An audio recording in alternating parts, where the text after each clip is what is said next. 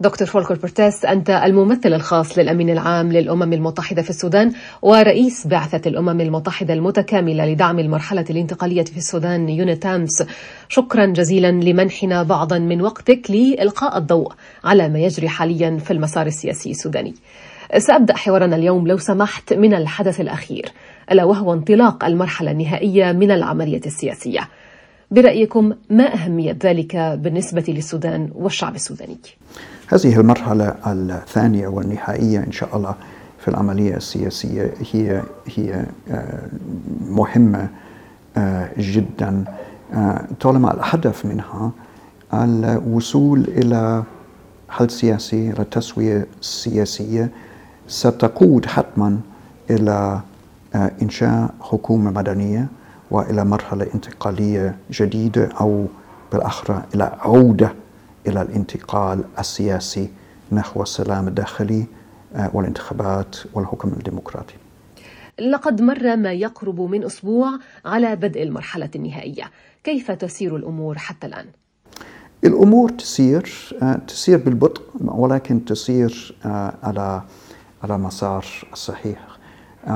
كانت هناك ندوة شيقة وجيدة جدا حول خريطة الطريق لفك النظام القديم النظام الدكتاتوري فأنا شخصيا كنت يعني مثير بشكل إيجابي جدا بجدية النقاش والتعاطي بين السودانيين والسودانيات أنفسهم. يعني شفنا أكثر من 300 شخص يعني بيشاركوا في القاعة وكان في ناس تابعين المناقشات الفيسبوك أو غير وسائل الإعلام. فالكل كانوا يحترموا بعضهم البعض وكانوا يحترموا الرأي والرأي المداد وكان في شوية من النقد الذاتي للتجربة السابقة للجنة فك فك النظام القديم. فهذا الشغلة مهمة فيبشر جيدا يعني لل للمرحلة الانتقالية الجديدة. شهد توقيع الاتفاق السياسي الإطاري للسودان الذي تم في الخامس من كانون الأول ديسمبر العديد من التحديات من بينها تزايد المعارضة له. فالبعض يقول إنه أهمل قضايا أساسية مثل المساءلة والبعض الآخر يقول إنه جاء بضغوطات دولية. كيف تردون على هذه الإدعاءات؟ أنا أول شيء يعني بكل احترام خليني بختلف شوي معك. صح أنه كانت هناك وما يزال لا يزال هناك معارضة ضد اتفاقية الإطاري لأنه في في بعض القوى وفي في بعض الأشخاص لا يريدون تسوية سياسية وفي البعض الذي عارض على على مبدأ المبادئ مثلا ولكن ليس هناك تزايد للمعارضة للإتفاق العكس صحيح رأينا يعني بالأسابيع الأخيرة أنه عدد متزايد من القوى السياسية والمدنية اتصلت فينا فسألت أو طلبت منا أنهم كمان سيوقعون على على هذا الاتفاق، يعني في في قبول أكثر وأكثر. كانت هناك ضغوط دولية ليس صحيح، هناك أكاد أكيد يعني تشجيع دولي ل أي عملية تقود إلى إلى تسوية معقولة ومعترفة عليها ومستدامة. ف المواضيع اللي أنت حكيت عنها يعني المساءلة يعني في نص واضح في في الاتفاق الإطاري يحكي عن المساءلة. صحيح أنه المسألة تحتاج إلى نقاش أكثر وتفاصيل أكثر فأحد الورشات التي ستنظم ستخص يعني بهذه المسألة بالذات ستكون عن العدالة والعدالة الانتقالية وبما في ذلك طبعا يعني مسألة المساءلة. لقد رأينا جميعا التصريحات الأخيرة التي أدلى بها عبد العزيز الحلو قائد الحركة الشعبية لتحرير السودان شمال والتي أعرب فيها عن استعداده لاستئناف المحادثات لكن ماذا عن الأطراف الأخرى؟ هل تعتقدون أنها ستنضم إلى العملية؟ يعني أول شيء يعني تصريح عبد العزيز الحلو قائد ال SPLM North بالتأكيد مهم لأنه كمان يثبت أنه احدى الحركات المهمة التي ظلت خارج أي اتفاقية سلام لحتى الان فعلا تنظر إلى ما يجري في السودان حاليا بشكل إيجابي وتفاؤل. فان شاء الله إذا وصلنا إلى تصوير فاحدى المهمات لحكومة جديدة ستكون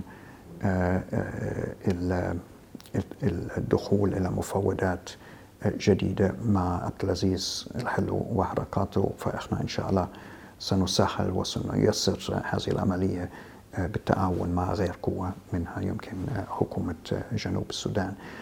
غير قوة طبعا هناك قوة خارج الاتفاق منها بعض الحركات الموقعة لاتفاقية جوبا. إحنا ما زلنا متفائلين انه بنهاية سيمشوا مع العملية السياسية لأنه هذا من مصلحتهم كمان أن أن يكونوا موجودين أن يكونوا يشاركون في في حكومة جديدة وترتيب جديد لمرحلة انتقالية جديدة. ولكن قد أهم يعني من بعض الأحزاب وحركات على الانفراد يعني هون هناك المشاركة الفعالة والواسعة لقوى مدنية من من من كل البلد.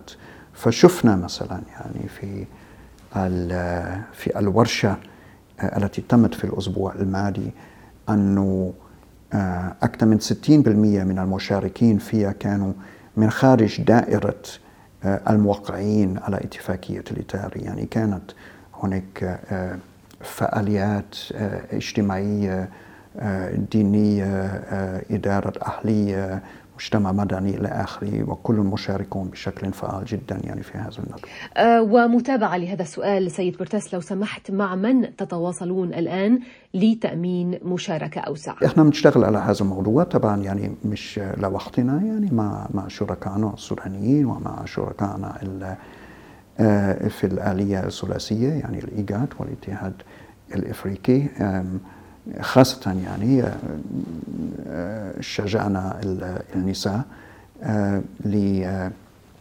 ليشاركن في في كل الفعاليات فسهلنا ويسرنا تأسيس أو إنشاء مجموعة خاصة لحقوق النساء التي هلا تشارك بفعالية في كل المناقشات.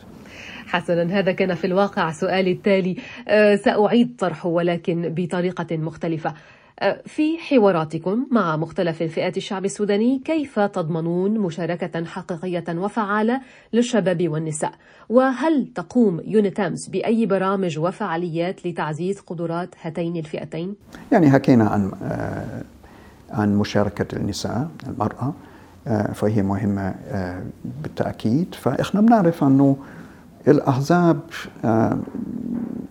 بشكل عام يعني توافق على هدف مشاركة النساء ولكن بشكل عام لا لا تقدر أن أن تؤمن مشاركة بنسبة 40 بالمية في في كل الفعاليات في كل المناقشات. فلذلك المشاركة من خارج الأحزاب مهمة ليست ضد الأحزاب ولكن مع النساء في الأحزاب وفي الحركات. فإحنا يعني يسرنا هذا المشاركة إلى إلى حد ما. فيما يتعلق بالشباب نفس الشيء طبعا نفس الشيء يطبق على على مشاركة الشباب. إحنا كمان بنشتغل نتواصل يعني مع لجان مقاومة وشباب من خارج هذه اللجان مش فقط بخرطوم ولكن بالمناطق بالولايات كمان وهذا مهم لأنه طبعا أكثر المشاركين في يعني مش فقط في هذه الندوات ولكن يعني في تاريخ السودان يعني أكثر المشاركين في الحوار السياسي من خرطوم ولذلك نعتبر كيونيتامس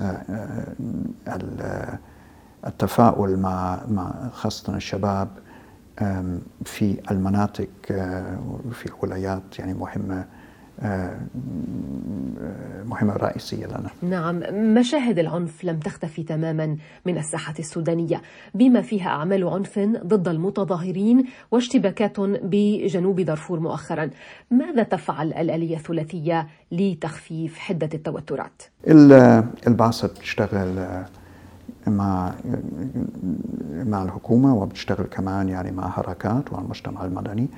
ولكن في هذا المجال يجب علينا أن أن, أن نريد أن حماية المواطنين من العنف هي مهمة للدولة. فإحنا نستطيع أن نساعد بمساعدات فنية عن خلال الوحدة وحدة الشرطة التي تساند تساند الشرطة السودانية ولكن هي وحدة فنية ما في أكثر يعني من من 30 شخص فيها حاليا لكل لكل البلد. نعطي تدريب مثلا تدريب للمدربين للشرطة السودانية بنشتغل كمان مع مجتمع مدني.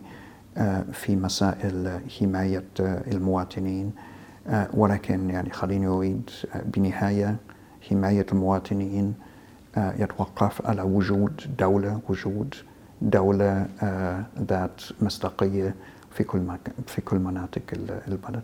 حسنا، من الواضح أن هناك أزمة ثقة وانقسام سياسي بين المكون العسكري والمكون المدني من جهة وداخل القوى المدنية من جهات أخرى. هل ما زلتم متفائلين بأن الأمور ستسير على ما يرام؟ يعني أول شيء أنا أنا متفائل وأنا متفائل أكثر وأكثر بكثير مما مما كنت من سنة تقريبا. ثانيا صحيح انه هناك أزمة ثقة بين مدنيين وعسكريين بين قوى مدنية مختلفة وحتى بين قوى عسكرية وقوى مسلحة ثانية أنفسها. ولكن هذا شيء طبيعي. يعني إحنا بنشتغل في كونتكست يعني في وضع صراع صراع سياسي حاد. فيعني ما فيك أو ما تستطيع أن تنظر حتى تجي الثقة وتبدأ بعملية سياسية بعدين. العكس صحيح.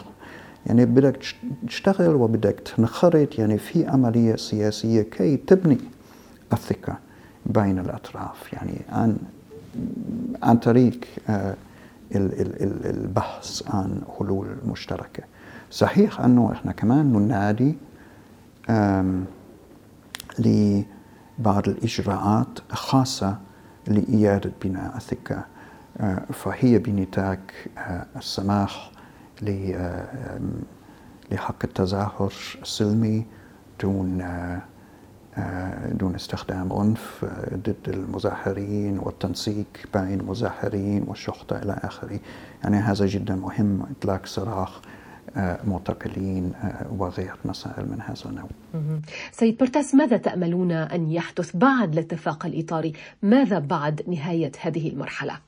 الاتفاق خطوة إذا تم. تمت. الاتفاق خطوة ل لتشكيل حكومة مدنية جديدة. وعلى هذه الحكومة مهمات محددة جدا. هي هتكون حكومة انتقالية ب يعني تفويض محدود وواضح إلى حد ما عليها أن يعني حسب ما فهمت من المناقشات بين السودانيين والسودانيين السودانيات عليها أن تنظر وتعالج الوضع الاقتصادي والاجتماعي درجة أولى. عليها أن تراعي تنفيذ اتفاقية جوبا بكامل أبعادها. عليها أن تنخرط أو تدخل في مفاوضات مع حركات التي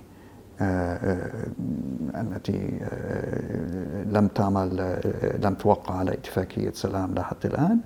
ولا وعليها أن أن تحضر الانتخابات لتنتهي المرحلة الانتقالية بانتخابات نزيهة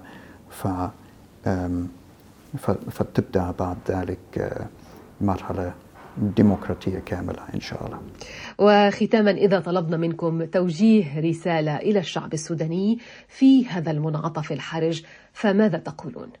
هذا الشعب السوداني كان صبر جدا فنسأله ونسأل منه أن يحافظ على على الصبر فتدعم كل الذين يبحثون عن تسوية سلمية لهذه الأزمة السيد فولكر بورتس الممثل الخاص للأمين العام للسودان ورئيس يونيتامس شكرا جزيلا على هذا اللقاء ونتمنى لكم ولفريق عملكم كل التوفيق. وشكرا.